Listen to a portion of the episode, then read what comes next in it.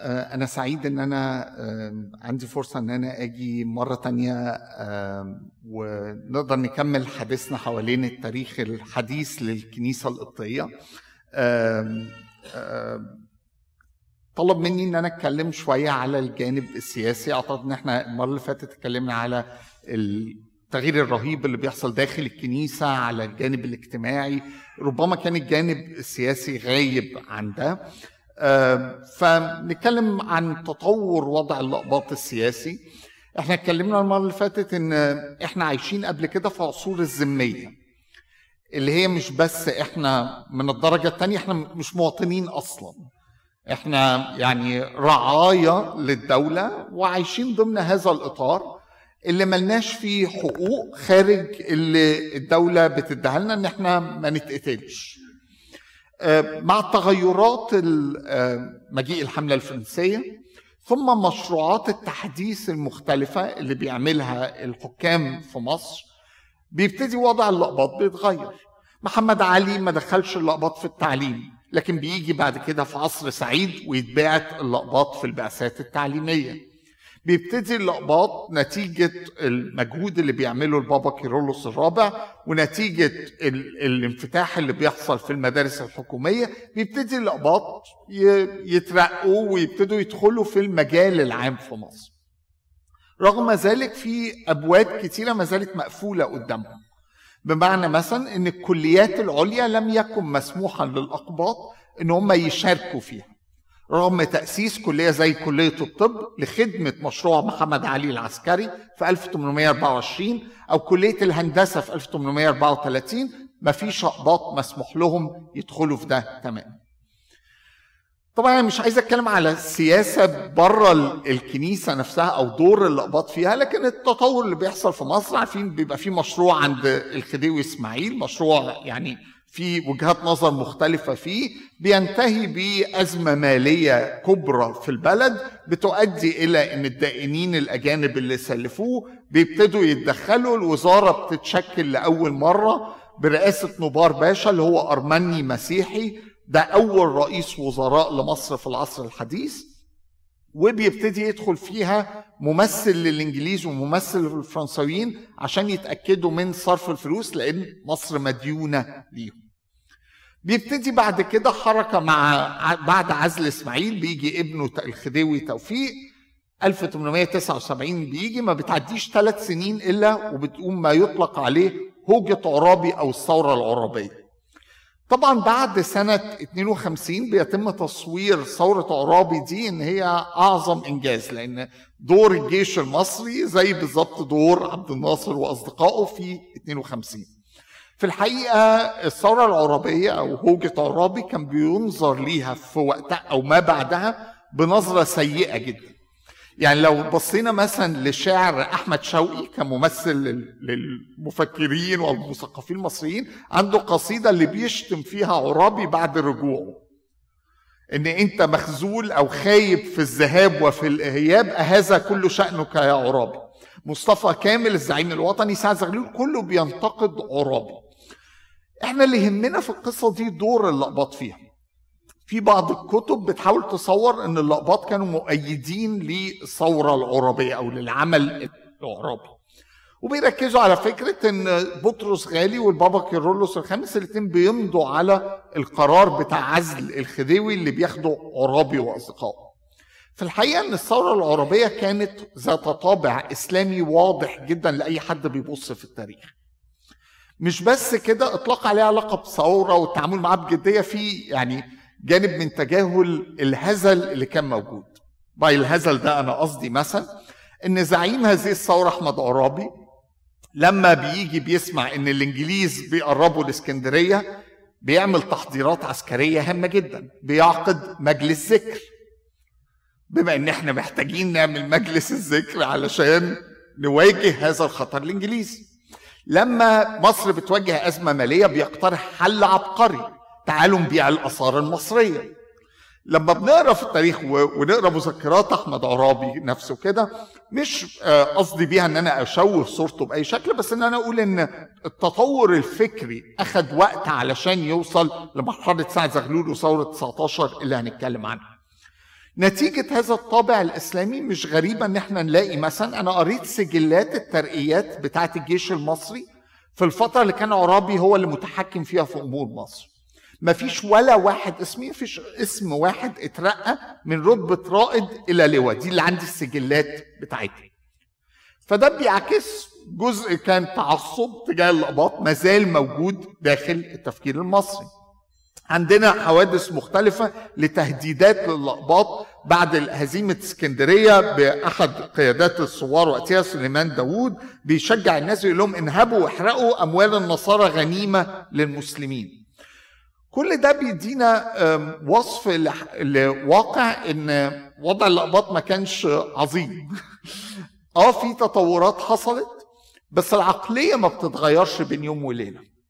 لو كان من كام سنة كان أنت مش مواطن أصلا مالكش طبعا تمثيل مش مسموح لك تبني كنايس بل والكنايس اللي هتتبني بالأبواب المنخفضة. عشان تتذل وانت داخل. شهادتك مش مساوية للمسلم. كل دي الجزية مفروض عليك. مفيش خدمة في الجيش. صعب جدا إن أنا أتخيل إن فجأة الناس صحت الصبح وكل ده اتغير والوضع بقى تمام وعاشت مصر أزهى عصرها والوحدة الوطنية وكل هذا الكلام. الواقع بيقول إن المواضيع بتاخد وقت كتير قوي عشان عقلية الناس تتغير. دليل إن إحنا ما زلنا لغاية النهارده في قرى في صعيد مصر بنلاقي حد بيتكلم على إن الأرض مسلمة ما ينفعش يبقى في كنيسة عندنا في البلد. زي ما بنشوف في كل هذه الهجمات اللي بتحصل نفس هذه العقلية اللي خارجة من فكرة إن دول ذميين دول مش متساويين معانا. الإنجليز بيجوا بيحتلوا مصر.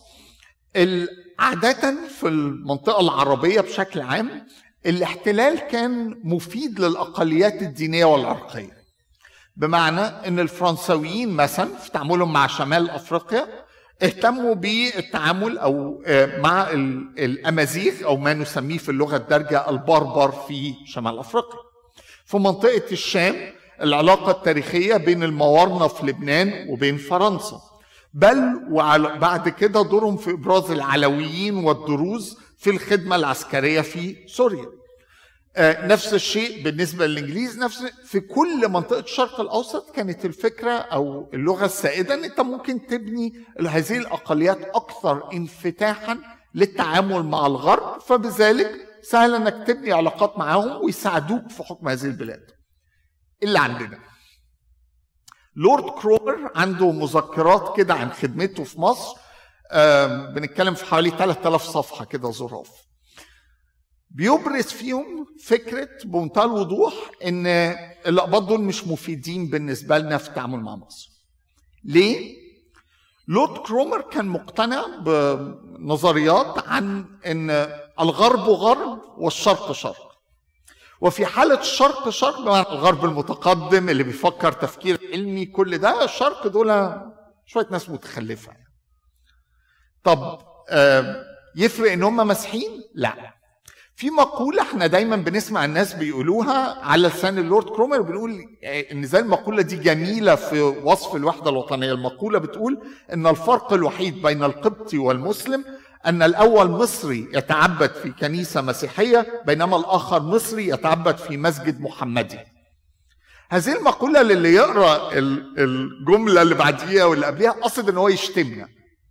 بمعنى إن هو يقول إن الاقباط دول زيهم زي المسلمين بالظبط. وبما إن أنا ببص أصلا المسلمين دول يعني مش ما عندهمش تفكير حديث أو تفكير علمي الاقباط دول زيهم. يجي بيوصفنا مثلا يقول إن القبطي من رأسه حتى أخمص قدميه.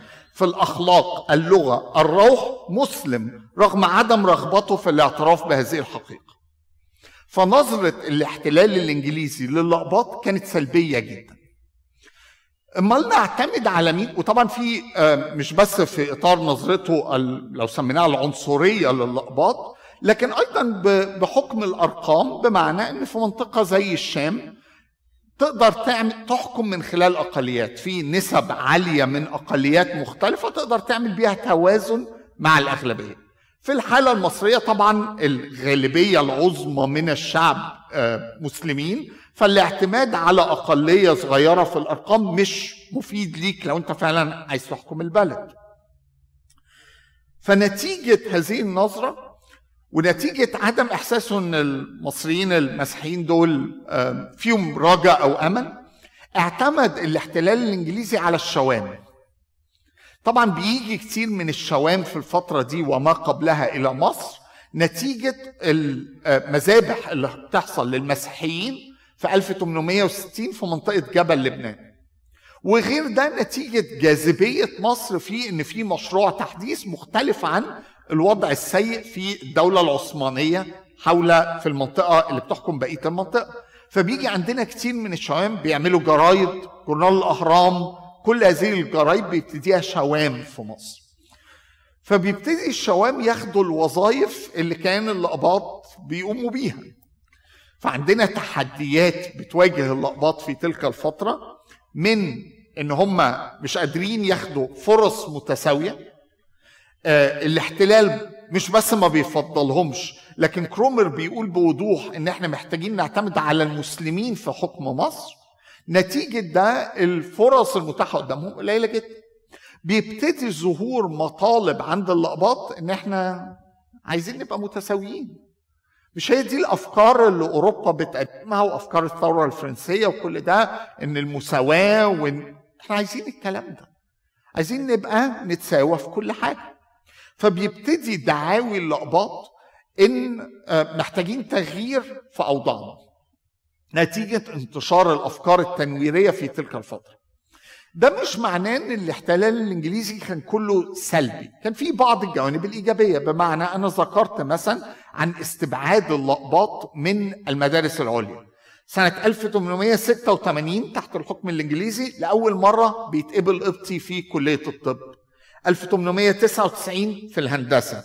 الحقوق 1887 مدرسة الأوقاف والمعلمين 1889 كل ده تحت الاحتلال الإنجليزي. في نفس الوقت اللي, اللي بيحصل فيه فرص تعليمية بتبتدي تتحسن فبيبتدي المستوى يعلى فالمطالب بتعلى. وضع الشوام فيه بينافسوك على وظائفك التقليدية والإنجليز مش مدينك فرصة. في نفس هذا الوقت الحركة السياسية الناشئة في مصر مقلقة بالنسبة لك.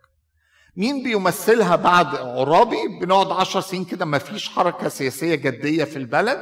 ثم بيظهر شخص اسمه مصطفى كامل. مصطفى كامل مرة أخرى في التعليم المصري بيتم تصويره على إنه شخص وطني مصري. هو لم لم أكن مصريا لوددت أن أكون مصريا وكل الشعارات اللي حفظوها لنا دي.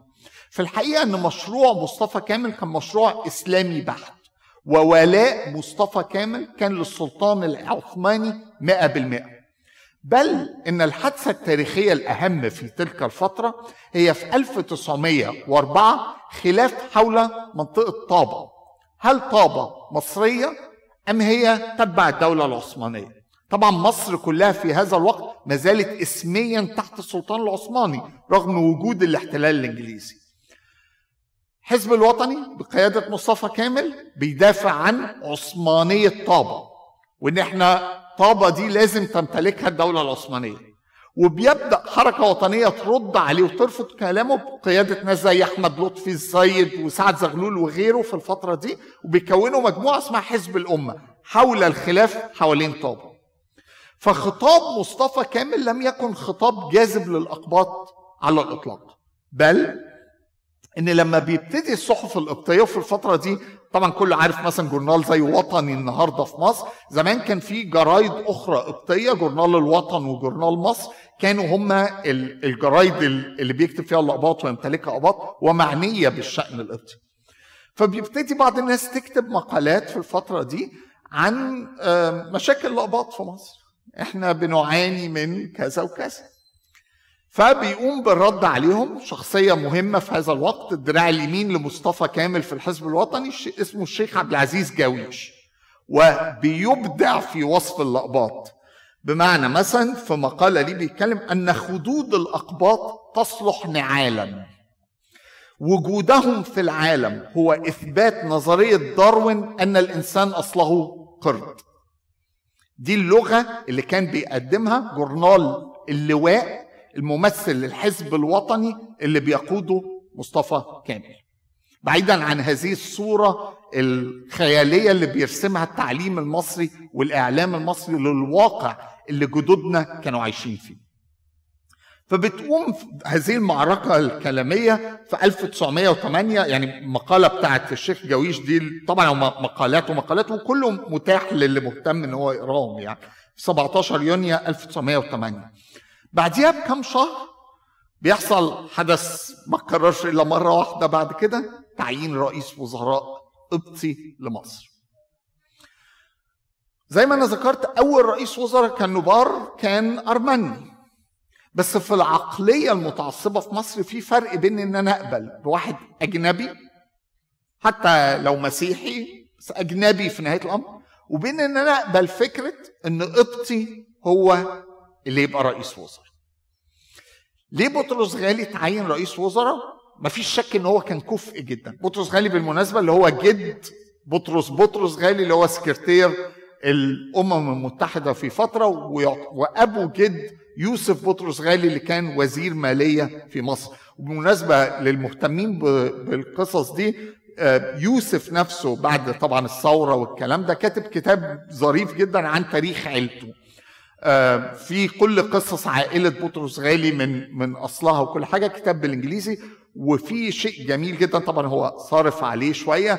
آه، في صور في منتهى الإبداع للكنيسة البطرسية.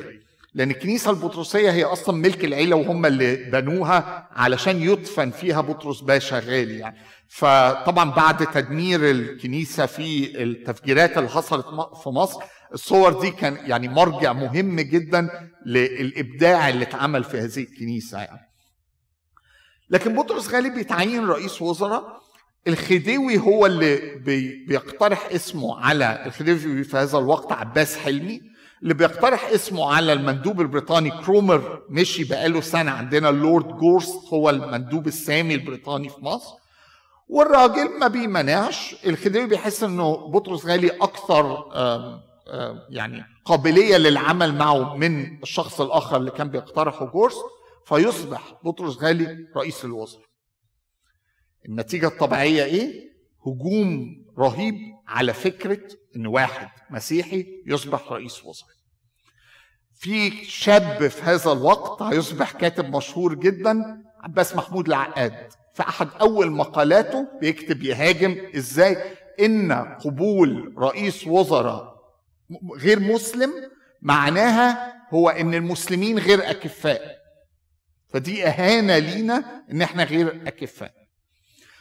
سنوي أو أقل من سنتين ويختال بطرس غالي يتم تصوير الاغتيال في التعليم المصري مرة أخرى والإعلام المصري إن هو كان اغتيال وطني.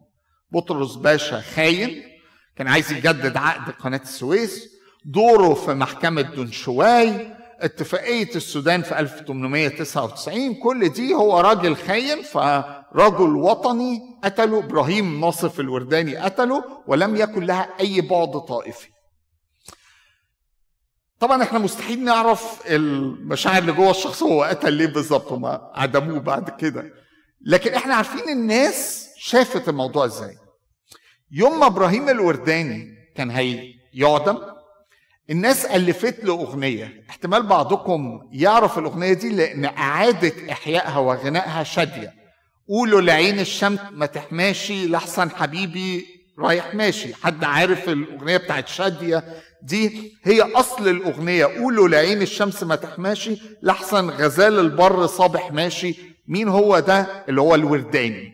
الأغنية دي اتعملت للورداني اللي قتل بطرس غالي بل إن الناس يوميها كانت بتهتف في الشارع إيه؟ تسلم ودين إيدين الورداني قتل بطرس النصراني. ده هتاف الناس. فهل الورداني نفسه كان مدفوع بجوانب دينية أم لا؟ المجتمع شاف إن دي حاجة دينية وشاف إن دي حاجة كويسة. قصة طريفة قبل ما ننهي حديثنا عن بطرس غالي إن المنصب المفتي أنشأه الإنجليز قبلها بكام سنة؟ ما كانش عندنا منصب مفتي في مصر أصلا. ده عملته الحكومة الإنجليزية. وعملوه عشان محمد عبده بالذات. بعد كده بعد في الفترة دي مات عبده وجي واحد تاني يعني.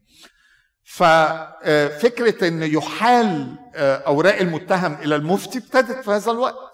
فأحيلت أوراق إبراهيم الورداني للمفتي عشان يصدق على حكم الإعدام. المفتي وقع في مشكلة. دم المسلم ما يتخدش واحد مسيحي. الشرع بيقول إن لا يقتل مسلم بواحد مسيحي. نعمل إيه؟ بس ده رئيس وزراء والإنجليز عمالين يقولوا طب أعمل إيه؟ فعمل فكرة عبقرية جدا.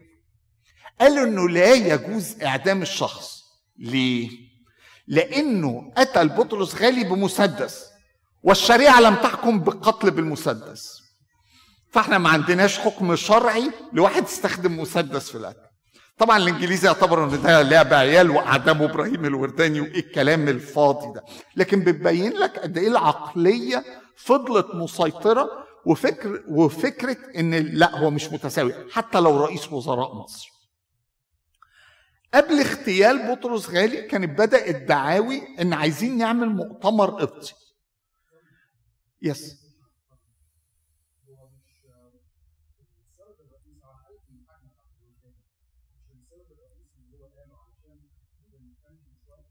هو اتذكر أربع أسباب. إن آه، محكمة انه دور بطرس غالي في دنشواي اللي أنا ذكرت ثلاثة منهم. دوره في دنشواي دوره في اتفاقية السودان بتاعت 1899 محاولة تجديد عقد آه، قناة السويس اللي كانت بتجرى في هذا الوقت إن بعد ال 100 سنة عقد اللي كانت تنتهي 1968 نمدها بعد كده مقابل مبلغ مالي وقانون الصحافة اللي عمله اللي قفل بيه على حرية الصحافة. دي الأسباب اللي ذكرت.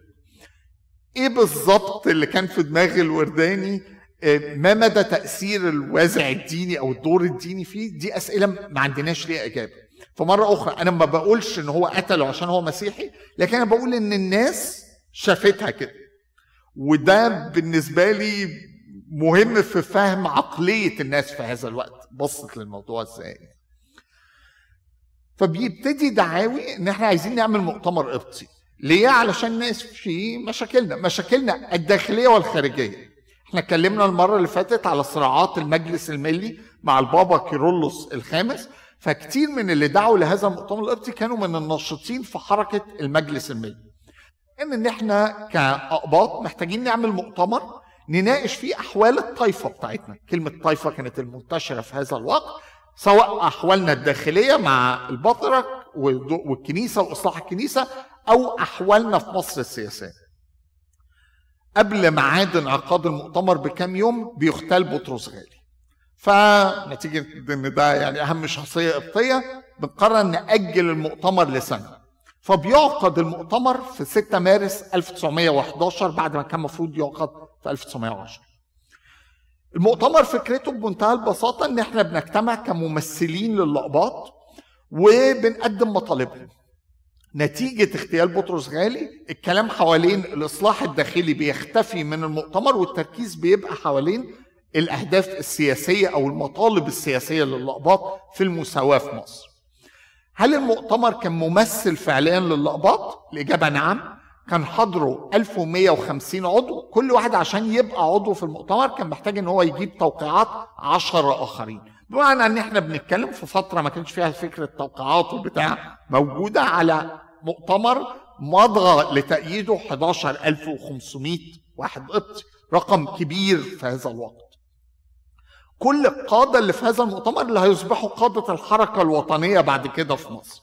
يعني سينوت حنا كل كل الشخصيات اللي هتبرز مع الوفد دي اللي كانت مؤسسة لهذا المؤتمر. هل المؤتمر جه حاجة فجأة زي ما بعض حاول يصوروا إنه مؤامرة خارجية وهو إيه أصلا مشاكل الأباط؟ لا بالعكس. كل السنين السابقة عندنا سجلات لمحاولة قيادات قبطية مقابلة المندوب السامي البريطاني لمناقشة المطالب القبطية فعندنا ويصا بؤطر وأخنوخ فانوس في 1897 بيروحوا جمعية توفيق بتطلب مقابلة في 1908 مرقس سميكه تدرس المقابلات مقابلات مختلفة. يا جماعة إحنا عندنا مشاكل اسمعوا لنا. إيه الطلبات بتاعة المؤتمر القبطي قدموا خمس طلبات. عايزين يوم الحد أجازة؟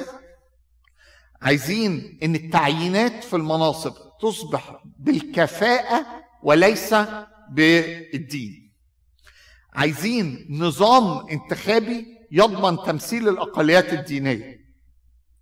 عايزين مساواة في التعليم إن زي ما الحكومة بتصرف على الكتاب الإسلامي تدفع ليه المدارس اللي الكنيسة عاملاها. عايزين مساواة في الجمعيات زي ما الحكومة بتدعم جمعية إسلامية ليه ما تدعمش جمعية التوفيق القبطية أو غيرها من الجمعيات الخيرية القبطية؟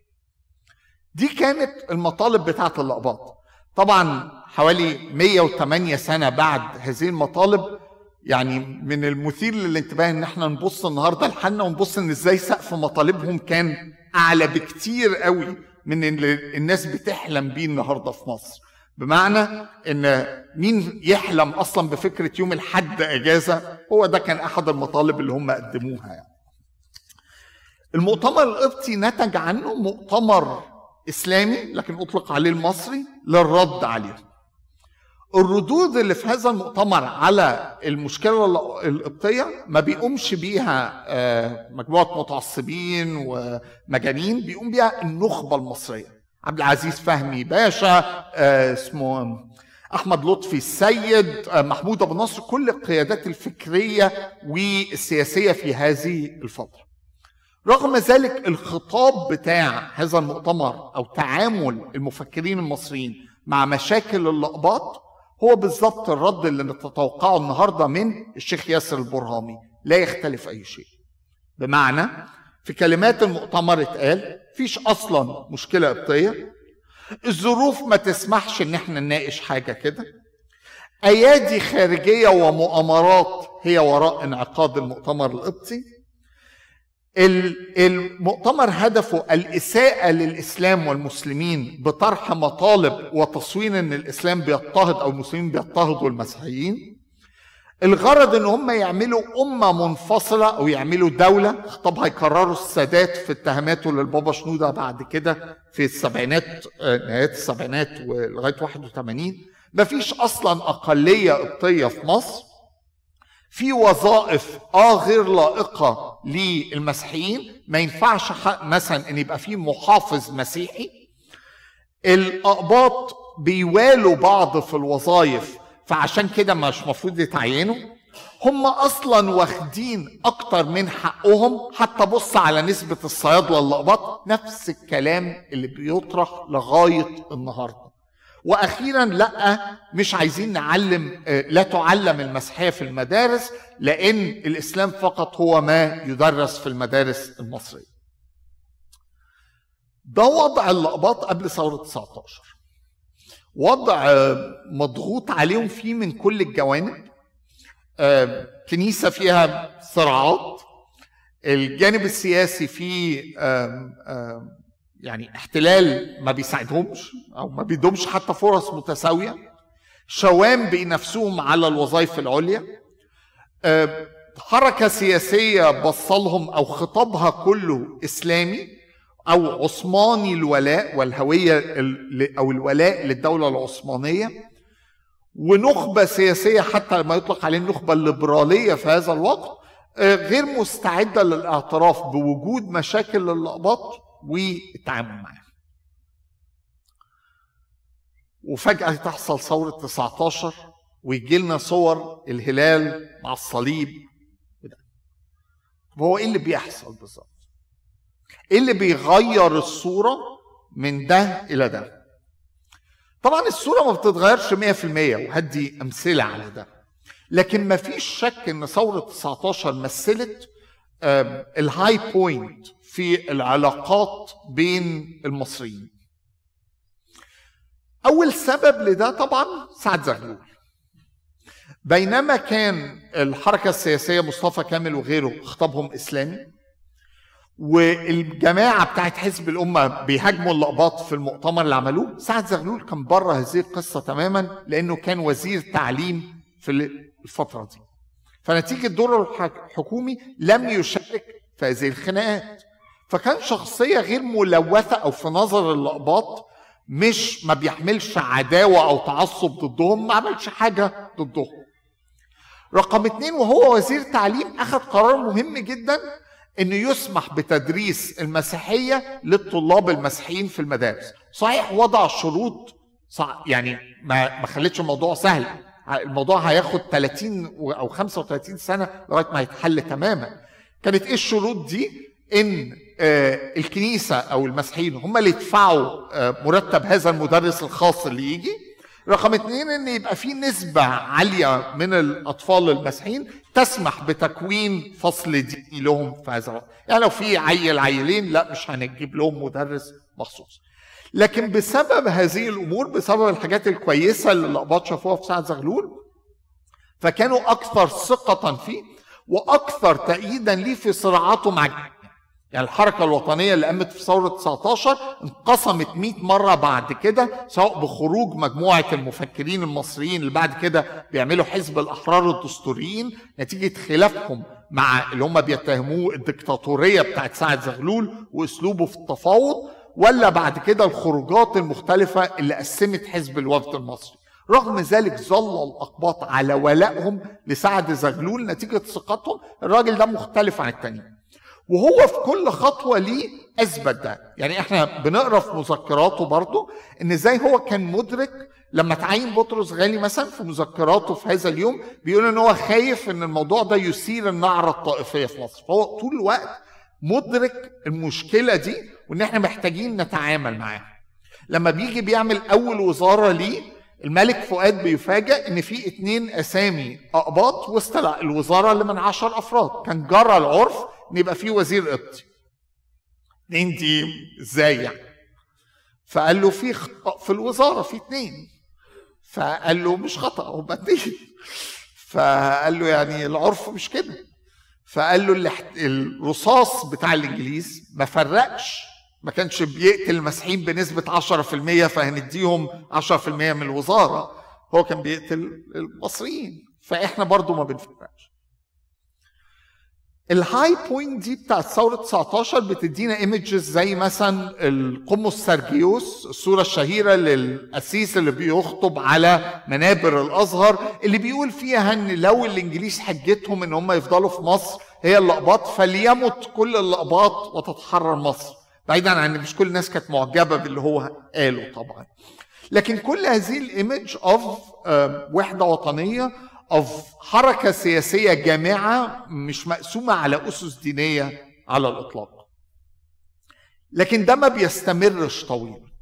بمعنى مثلا الموضوع بيبتدي باثنين وزراء من عشرة القصة بتاعت سعد زغلول في الوزارة بتاعته في 24 بينتهي بكام؟ آخر وزارة قبل ثورة أو قبل انقلاب 52 هي وزارة فيها واحد قبطي من 18 وزير. أول برلمان بعد ثورة 19 في 7.5% أقباط. آخر البرلمان 3% فبيبتدي المشاكل تظهر فيما يطلق عليه الحقبة الليبرالية من سنة 23 لغاية 52 في تاريخ مصر. بمعنى إن المآسي اللي بيعاني منها الأقباط لم تختفي في أي لحظة. في عام 34 مثلا بيقرر فيها شروط العزبي باشا الشهيرة. اللي هي بتضع القيود على بناء الكنايس في مصر. نجيب محفوظ كله عارف الكاتب نجيب محفوظ. حد يعرف الدكتور نجيب محفوظ؟ دكتور نجيب محفوظ هو منشئ طب النساء والولادة والأطفال في مصر. هو اسمه نجيب محفوظ باشا وكان هو منشئ هذا العلم ورئيسه في القصر العيني. ففي ليلة بيجي واحد من سكان أعتقد الجمالية آه، مراته الداية مش عارفة تولد آه، تولدها فبيستدعي الدكتور الدكتور بيجي وبينقذ حياة الأم وبتلد مولودها.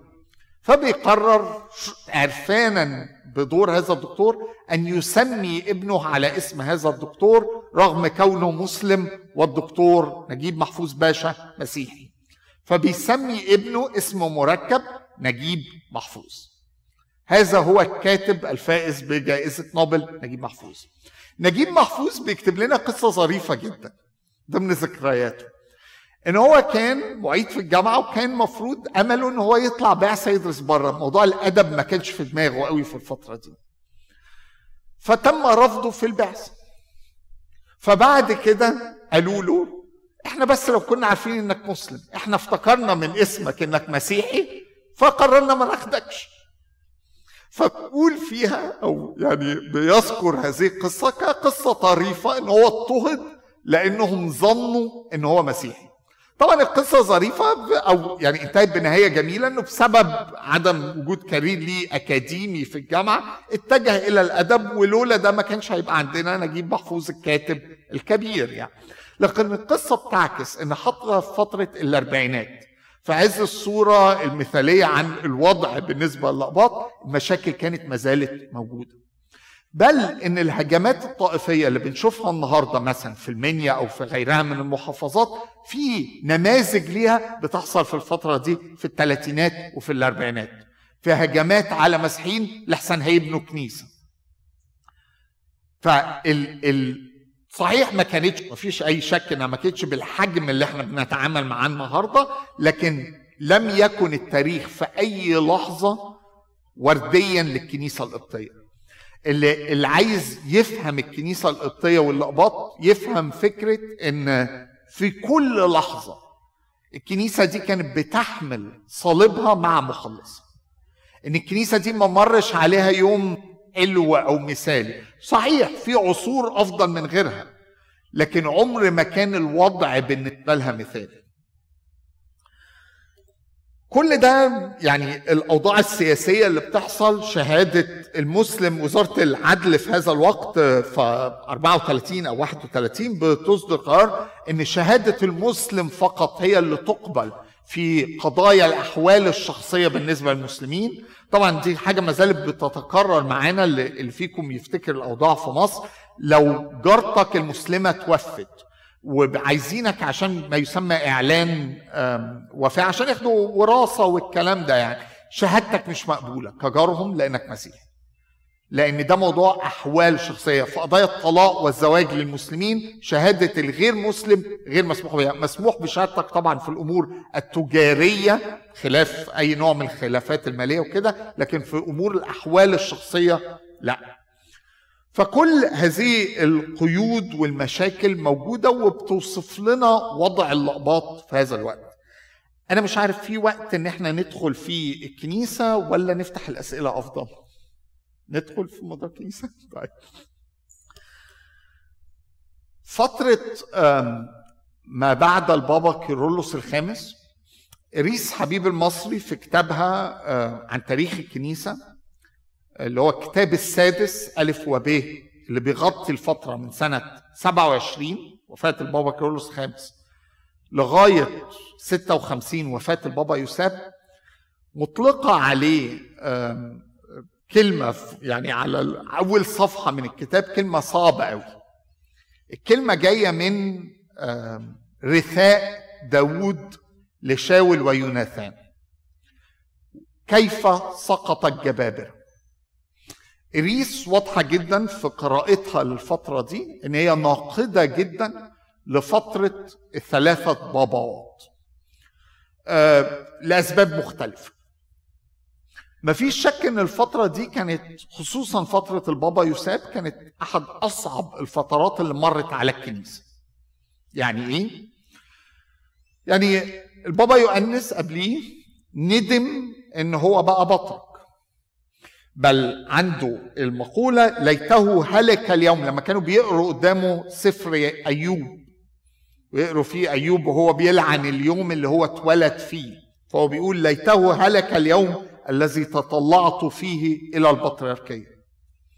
بابا مكاريوس بعديها بيروح يزور دير الأنبا أنطونيوس بيخليهم ينزلوه من العربية وبيمشي للدير وهو بيضرب مطانيات وهو رايح الدير ويقول أخطيت إذا صرت بطريركا من كتر المشاكل والصعاب والخلافات والشتائم وكل ما كان يحدث. لكن كل ده كان كوم وما حدث في فترة البابا يوساب كان حاجة تانية خالص. وصلت إن المجمع المقدس عزل بطريرك الكنيسة. وصلت إلى صراعات والبوليس بيجي والناس بتسلسل الأبواب بتاعة البطريركية عشان يمنعوا البطرك إن هو يخش البطريركية. فطبعا فترة صعبة جدا إن الشخص يتكلم عليها. فقبل ما اتكلم عن الجانب التاريخي السلبي خلينا أقول بقى حاجة بوزيتيف على الفترة دي. نتيجة غياب أو المشاكل اللي كانت جوه الكنيسة الأقباط ما كانوش سلبيين. لو ما فيش فرص للإنتاج داخل الكنيسة اتجهوا إلى مجال آخر. لم يتركوا قبطيتهم وإيمانهم الأرثوذكسي. لكن عبروا عنه في شكل آخر وهو المجتمع المدني القبطي. دي الفترة اللي ألف زهرة بتطلع فيها في هذا المجتمع المدني القبطي. الأمثلة مثلا. في سنة 1940 مجموعة من السيدات الأقباط قرروا يعملوا مدرسة جمعية السيدات الأقباط لتربية الطفولة. في ظرف 12 سنة بيفتحوا 51 مدرسة. دول بيهتموا بالتعليم. عزيز سوريال عطية المؤرخ الشهير دكتور سامي جبرة ومراد كامل بيقرروا يعملوا حاجة؟ معهد الدراسات القبطية. المازال مستمر حتى الآن معنا في الكنيسة. راغب مفتاح بيبدأ ال يعني مجهود حياته اللي بيقعد فيه 80 سنة للحفاظ على الموسيقى والتراث الموسيقي القبطي. مرات غالي الكازن بتاع ابن عم بطرس بطرس غالي بيعمل جمعية محبي التراث القبطي اللي بتتحول بعد كده إلى جمعية الآثار القبطية. في نفس الوقت قبل كده مرقص سميكة بيقرر ينشئ المتحف القبطي. كل دي مجهودات فردية. أفراد ولاد الكنيسة قرروا إن مش معنى إن في مشاكل إن إحنا مش هنعمل أي حاجة. دي كنيسة حية دي كنيسة طول الوقت بتطلع إنتاج فكري وثقافي وديني وفي مختلف المجالات. فانا بحب أذكر ده لأن حتى في الفترة الصعبة مش بس ربنا لا يترك نفسه بلا شاهد بل أيضا الاقباط طول الوقت بيبدعوا وبينتجوا. هذه الفترة بقى أو فترة بالذات البابا يساب كان لدي البابا يساب آه، خادم. طبعا البابا يساب أصلا آه، متعلم كويس قوي بيعرف لغات. آه، أرسل في بعثة تعليمية درس لاهوت في أثينا في اليونان. فراجع يعني إحنا مع اسقف هو كان أصلا اسقف مطران لجرجا متعلم وذو مشروع وأفكار وكل حاجة. وهو في جرجا مطران لجرجا كان عنده آه، خادم بيقضي له أموره يعني اسمه ملك جرجس. فهذا الخادم كان بيثق في قداسة البابا ثقة عمياء. وحين وصل إلى البطريركية أخذ هذا الخادم معه من جرجا إلى البطريركية. هذا الخادم كان يمارس ما يسمى بالسيمونية. يعني إيه؟ يعني بنبيع المناصب الكنسية. هيك عايز تبقى قسيس؟ ادفع. هيك عايز تبقى اسقف ادفع أكتر. أمور المناصب الكنسية تباع بالأموال. طبعا ده ما رضاش كتير من الناس اللي بتحب الكنيسة. واللي شايفين إن مجانا أخذتم مجانا تعطوا. وإن آه، الافضل هو اللي ياخد المنصب وليس من يدفع أكتر. فعندنا قصص كتيرة مذكورة في الريس ومذكورة وفي ناس يعني لو هم ما عاشوش الفترة دي أهاليهم ممكن عاشوا الفترة دي وحكوا القصص المأساوية اللي كانت موجودة أياميها يعني. نتيجة هذه السياسات ونتيجة تمسك البابا بيه تم آه، المجمع المقدس قرر إن هو يبتدي ياخد موقف. اجتمع المجمع المقدس وقرر في الأول في 54 قبل سوري قبل المجمع المقدس قبل في سنة 51 بتكون جماعة مثيرة للباحثين شوية اسمها جماعة الأمة القبطية. تبدو في بعض الأحيان مشابهة للإخوان المسلمين بس هي النسخة المسيحية منها. يعني الإنجيل دستورنا بدل ما التانيين بيقولوا القرآن دستورنا الجماعة دي مهتمة بالإصلاح القبطي وبنيجي في 25 يوليو 54 بيقوموا بخطف البابا وإجباره على التوقيع على وثيقة بتنازله عن البطريركية. كم يوم والبوليس بيقبض عليهم والعملية بتتلم وبيرجع البابا بس حركة الجماعة بتحرك الأساقفة إن الوضع لا يمكن أن يستمر ينتج عن ذلك إن في 25 سبتمبر بعديها بشهرين أو ثلاث أشهر سنة 54 بيجتمع المجمع المقدس وبيقرر إن هنشكل لجنة من ثلاث مطارنه تدير الكنيسة والبابا يفضل الرئيس الروحي لكن ما يقومش بأمور إدارية. وباستبعاد الخادم بتاعه من الدار البطريركية. بعد آه، بعض المناوشات بيوافق البابا على ده. اللجنه دي بالمناسبة فيها عضو فيها. كان أياميها لسه أسقف صغير بس كتير منكم أو كلكم بروبلي حضرتوه. نيافة الأنبا ميخائيل مطران أسيوط اللي بيرسم أسقف سنة 46 وهو أحد أعضاء اللجنة الثلاثية دي في سنة 54 واللي بيفضل مطران لأسيوط لغاية 2000 وكام؟ 14 15 قريب يعني في عصر البابا توادرس يعني. فهو كان أحد أعضاء اللجنة قبلها ب 70 سنة المكلفة بإدارة الكنيسة نتيجة هذه الأزمة.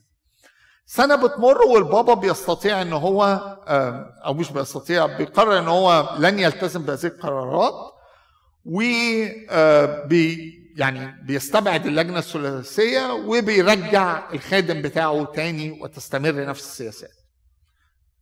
فيقرر المجمع المقدس في سبتمبر سنة 55 عزل البابا من مناصبه وإن هو يروح لدير المحرة وطبعا استبعاد ملك وكل الكلام طبعا دي آه، لحظة صعبة قوي على الكنيسة. آه، لحظة صعبة إن آه، يعني قبليها ب 60 سنة في بطرك تاني استبعد في البابا كيرلس الخامس في 1892 والنهاردة في 1855 بيعزل البابا. لكن الفرق رهيب بين الحادثتين. الحادثة الأولانية مجموعة من الناس اللي في المجلس الملي في صراع يتعلق في نهاية الأمر بالأموال إدارة الأوقاف وغيرها في الكنيسة. هنا عندنا المجمع نفسه مع المجلس الملي مع رأي الاقباط العام شايف إن البطرك بسبب سياساته رغم إنه رجل يعني لم ينسب له أي خطأ ديني وكان عالم في اللاهوت وكان راجل كويس لكن بسبب ثقته العمياء في هذا الخادم أدت بالكنيسة إلى إجبار المجمع المقدس على عزله سنة بعديها البابا بيلم شوية أساقفة عدد قليل بس بيجي بيأيدوه. دي طبعا قصة طويلة مش عايز أدخل فيها. الكنيسة الأثيوبية في هذا الوقت بتحاول إن هي تاخد نوع من الوضع الاستقلالي عن الكنيسة القبطية. فالأساقفة الأثيوبيين اللي هو راسمهم البابا يوساب بيجوا وبيساعدوه في عمل مجمع في بعض الأساقفة سبع أثيوبيين زي كم واحد مصري بيقرروا إن هو يرجع. بيرجع للبطريركية. يعني الشعب القبطي يسلسل الأبواب لمنعه من دخول البطريركية آه، صحته بتتدهور بيدخلوه المستشفى القبطي ليلة موته بيحملوه ويحطوه على الكرسي وبيموت على الكرسي البطريركية إنه ما يموتش بره البطريركية. دي كانت الحقبة الأسود في تاريخ الكنيسة الحديث عشان كده إحنا بنتعامل اوقات مع البابا كيرولوس السادس ان هو الوضع الطبيعي يعني. راجل قديس وجميل. شوفوا الناس كانت عايشة إيه قبليه. والحاجات دي هيواجهها البابا كيرولوس. آه، أبونا تدرس يعقوب وغيره ذكروا قصة على البابا كيرولوس. آه، مش ناس كتير كانت عارفاها. القصة تتعلق إن لما مسك البابا كيرولوس هذا القديس العظيم اللي ما فيش اختلاف على قداسته إن كانوا عايزين يمشوه. ليه؟ في ناس كانت بتتهمه إن هو جاهل. بيعرفش يوعظ. بتاع صلاه كل ما نروح له بمشكلة يقول لنا صلي. إيه صلي دي؟ ده ده بجد. دي مش ده كان رأي الناس. يمين كان في جرايد يعني في منتهى القذارة في اتهامات جرايد مسيحية باتهامات في أمور حتى جنسية. لماذا يذهب البطرك إلى الإسكندرية كثيرا؟ كان قبليها البطاركه ما بيهتموش إن هم يروحوا إسكندرية. هو كان واخد دوره ك يعني أسقف أصلي للإسكندرية سيريسلي وكان بيزور اسكندريه كان بيلف مصر كلها قداسة البابا فهو بيروح إسكندرية كتير عشان عنده علاقة هناك. كل هذه اللي وصلت إن تآمر بعض الأساقفة في المجمع واتفقوا على عزله القصة كما يرويها أبونا تدرس وغيره إنه البابا كان راح اسكندرية وكانوا لموا توقيعات ويقال أغلبية من أساقفة المجمع وقعوا على عزله فراح قدام أيقونة مرمرقص في اسكندرية في البطريركية هناك وقال له دي آخر مرة هجي لك يعني أنا خلاص هيمشوني ليلتها من كان يقود هذا ال ال يعني المحاولة أخذ سما ومات. طبعا آه، يعني في الإطار الكنسي ابونا تدرس وغيره ما بيذكروش من هو هذا الشخص لكن هو معروف لأي حد مهتم بهذه الفترة. يعني أحد الأساقفة ويعني مات في وقتها بعد ما شرب سم بدل ما ياخد دواء. فده كان دي ده الميراث اللي, اللي استلمه البابا كيرلس عشان كده لما نبص على قداسة البابا كيرلس وعلى الحياة الروحية اللي جددها في الكنيسة إزاي ده ما كانش موضوع سهل. كان بابا كيرلس وروحانيته بس أيضا كان عندنا لو في كام دقيقة ولا نأجل هذا الحديث مرة أخرى. أصل ده حديث طويل على حركة مدارس الأحد يعني. 10 minutes. I think نقف هنا وندي فرصة لو الناس عايزة تناقش أفضل.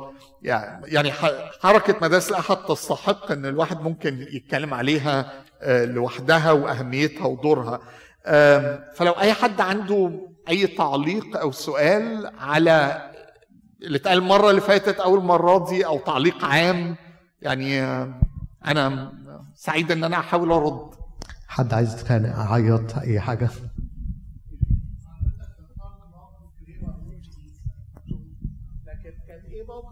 الكنيسة بالاحتلال البريطاني. حضرتك ذكرت مركز كريمر من uh, الكنيسة؟ yes كرومر. yes و لكن كان إيه موقف الكنيسة؟ لأن أنا قريت إن موقف الكنيسة كان معادي ليه وكان في تصريحات كتيرة جدا ضد الاحتلال الإنجليزي وده اللي خلاه يطلع التصريحات دي وياخد موقف من الكنيسة. يا ريت آه، تحكي لنا. الحركة أو الحياة السياسية في مصر صامتة؟ من 1882 بعد الصدمة بتاعت عرابي. خد بالك يعني هزيمة عرابي مشابهة بعض الشيء في لهزيمة 67 بمعنى إيه؟ إن الناس ما كانتش متوقعة كده. الناس بقى كانت متحمسة والعملية ماشية والجيش المصري والبتاع وبعدين الإنجليز مسحوا يعني الأرض واحتلوا البلد. وكله اتمسح تمام. فانت عندك فترة 10 سنين ما فيهاش أي حاجة في مصر. يعني نقدر نقول لغاية 1892 ولا في تصحيحات سياسية ولا حياة سياسية تمام. ده بيبتدي بعد كده مع بدايات مصطفى كامل في الكتابة ثم تشكيله الحزب الوطني وثم ثورة 19 لو همشي عكسيا في موقف الكنيسة. ثورة 19 طبعا الكنيسة أيدت الثورة تماما. باي الكنيسة إحنا بنتكلم على مشاركة الشعب القبطي وممثليه تصريحات البطرك طبعا قليلة. لكن عندنا أمثلة تدل على أن هو كان متعاطف مع ده. يعني لما سعد زغلول شكل أول وزارة البطرك باركه. فلما اتشال سعد الزغلول بعد حادثة قتل السيرلي ستاك في السودان في 24 اتشكلت حكومة جديدة موالية للقصر. فطلب الملك من البطرك كيرلس الخامس اللي كان وقتها حوالي 100 سنة في العمر إن هو يبارك الوزارة. فقال له البركة التي تعطى باليمين لا تسحب باليسار أو بالشمال. فعندنا نماذج تدل إن هو كان متعاطف مثلا مع سعد زغلول. ثورة 19 نفسها اللقباط شاركوا فيها تماما. يعني أنا عارف يعني هي مذكورة إريس حكاها بالأسامي. عمات أمي وعيلتي عملوا الاجتماع النسائي اللي كان في البطريركية في هذا الوقت اللي عمل الحركة النسائية القبطية اللي شاركت مع هدى شعراوي في ثورة 19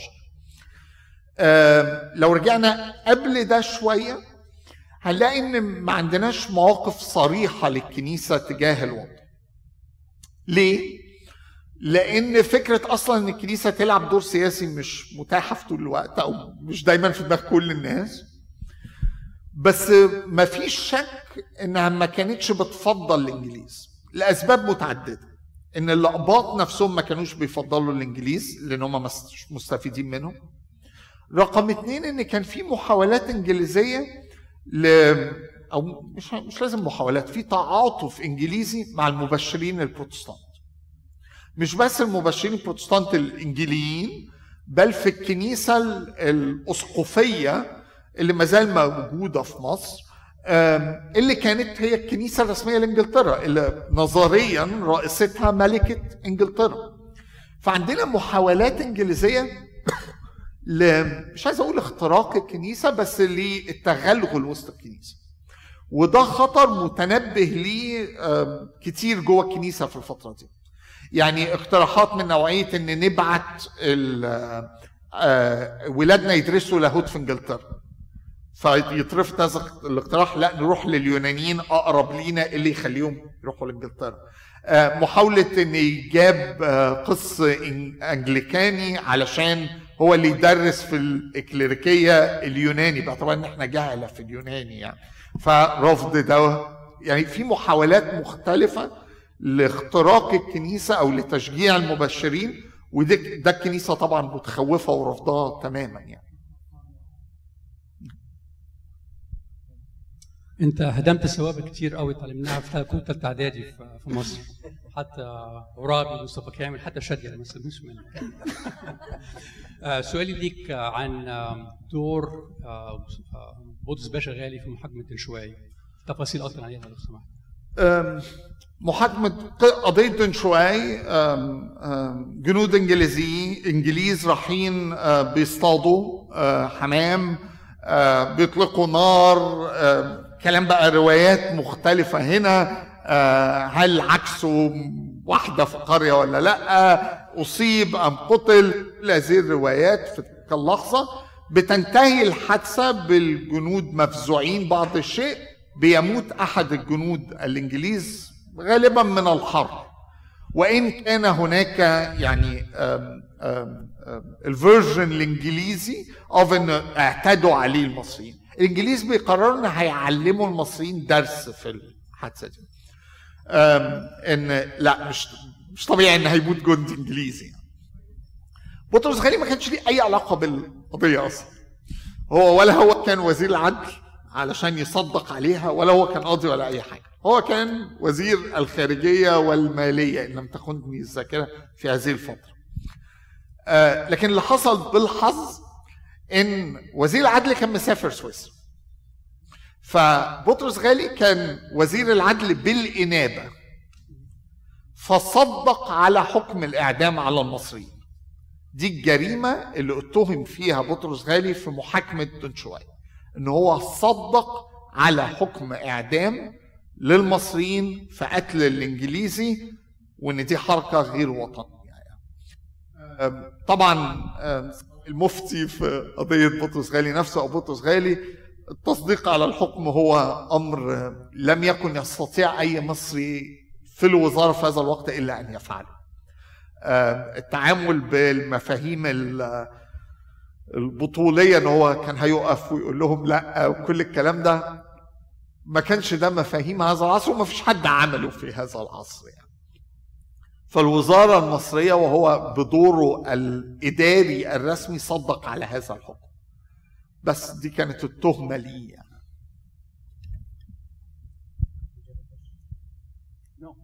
آه لا ده أنا كنت تعليق بس كنا قلناه المرة اللي فاتت على المدارس القبطية لو فاكر فالسادات فعلا كان متعلم آه السادات مش مبارك آه الم- المرحلة ال- مش عارف إيه المشكلة. ال آه، الفترة الابتدائية طوف آه مدرسة. اباط في آه. شبين الكوم آه. آه، حسني مبارك صح المسائل المشكورة زي ما أنت ما قلت. آه. بس أنا مش مش قادر أوصل ال- الفترة الابتدائية والإعدادية بتاعت حسني مبارك كانت إيه. آه ما أنا مش لاقيها برضو بس عندي معلومة كده إن هو برضو كانت مدرسة الاباط بس أصل حسني يعني السادات أبعد شوية بس حسني بلدياتنا يعني أنا من ال... من أوكي وسنا المنوفية فإحنا يعني يعني في هناك طب وانت ما. اتطوعتش في الجيش إزاي؟ يلا بالمناسبة يعني الموضوع ليس له علاقة بالكنيسة بس أنتوا عارفين ليه كل رؤساء مصر والضباط من المنوفية؟ ليست مؤامرة بالمناسبة إحنا يعني صحيح إحنا متحكمين في البلد كمنايفة بس ده موضوع تاني. الحقيقة بتقول المنوفية أعلى نسبة تعليم في مصر، ليه؟ عشان عبد العزيز فهمي باشا قرر إن هو يعلم ولاد محافظته. فأسس جمعية المساعي المشكورة فعملت مدارس في المنوفية فكل بتوع المنوفية اتعلموا في الفترة اللي ما كانش فيه تعليم حكومي الزامي على مستوى الجمهورية المنوفية كانت أفضل تعليم على مستوى الجمهورية بسبب هذا الشخص والجمعية الخيرية اللي أسسها اللي هي المساعي المشكور اللي هي خارجها حسني مبارك في شبين الكوم إبراهيم عيسى بلدياتنا خريج المساعي المشكورة في وسنا كل ده بسبب المساعي المشكورة. النقطة الثانية إن هي أكتر محافظة محافظة طاردة للسكان عشان ما عندهاش أي إمكانية استصلاح أراضي بعكس مثلا الشرقية الدقهليه أو في الصعيد اللي ممكن تحاول تستصلح أراضي في الصحراء. المنوفية ما فيش أي حاجة جنبك محافظات أخرى. فهي أكتر محافظة طاردة للسكان. فنسبة تعليم عالية وطاردة للسكان فالشباب راحوا يشتغلوا في القاهرة دخلوا الجيش بقوا رؤساء جمهورية يعني كويس آه مين الاسقف اللي شرب سم ده ليلة ما أثرش أي نوع من الشكوك يعني في ليلة نيافة ال- الأنبا يؤنس؟ آه. مطران الجيزة واليوبية ومركز وسنا آه، من عندكم؟ سنة آه، 48 ومات في 62 ولا وتافر لما شرب السن يعني آه، هناك بعض النظريات آه، تتهم حركة مدارس الأحد في الجيزة بقتله آه، لكن أنا ما عنديش أي معلومة في هذا فأنا لا أذكرها كفاكت تاريخي يعني لكن هو كان مريض وكان بياخد دواء وبدل الدواء شرب سم هل هو غلط في العلبة ولا حد بدل العلبة؟ ده موضوع ما عنديش إجابة ليه. لكن هو مات وقت ما كان بيحاول يعني يتآمر على البابا كيرلس يعني. بس ده everything. Thank you. أنا باسمكم حابب قوي أشكر سام على a really high quality session. يعني إحنا آه، فرحانين قوي إن أنت معانا سام. فرحانين بال richness بتاعت ال material. آه، وكمية ال details من من التاريخ اللي هي I'm sure it took you a lot of time إنك أنت to prepare. ربنا ربنا يعوضك. آه، اتعلمت كتير النهارده. اتعلمت إنه تسلم إيدك يا ورداني. قتلت بطرس النصراني. oh my gosh oh my gosh بس بس غريب قوي غريب قوي مع كل الحاجات اللي حصلت ديت واللي اتكلم عليها سام إن كنيستنا مستمرة وكنيستنا قوية وكنيستنا بتنور كل يوم عن اليوم اللي قبله. جميلة قوي الآية اللي بتقول طوبى لكم التطويبات مش كده؟ طوبى لكم اذا عيروكم وقالوا عليكم كل كلمة شريرة من اجلي كاذبين. وبعدين بيكمل بيقول إيه؟ افرحوا وتهللوا. غريب قوي الكتاب المقدس في الحتة دي. إزاي ينقلك من الحتة إن الناس يمشوا ويقولوا تسلم إيدك يا ورداني لافرحوا وتهللوا. هي دي هي دي المسيحية هي دي المسيحيه اللي بجد. مش كده؟ المسيح بيجي بيقول وأراكم وتفرح قلوبكم ولا أحد ولا أحد ينزع فرحكم منكم. آه. فأنا فرحان جدا بالدرس النهارده لأن هو ال ال ال كل ما نتعلم كل ما نستنير أكتر كل ما نعرف قد إيه كنيستنا جميلة وقد إيه كنيستنا ديت تعبت كتير قوي وإذا كان في ملك وكذا وكذا فزي ما الكتاب بيقول كده يعوزني الوقت إن أخبرت عن بلاق وجدعون وشمشون يعوزني الوقت إن أخبرت عن البابا كرولس أخبرت عن آآ آآ حبيب جرس إن أخبرت عن كذا وكذا وكذا. كنيستنا يعني منورة من كل الجهات ف آه، ده ده شيء آه، يفرحنا كلنا.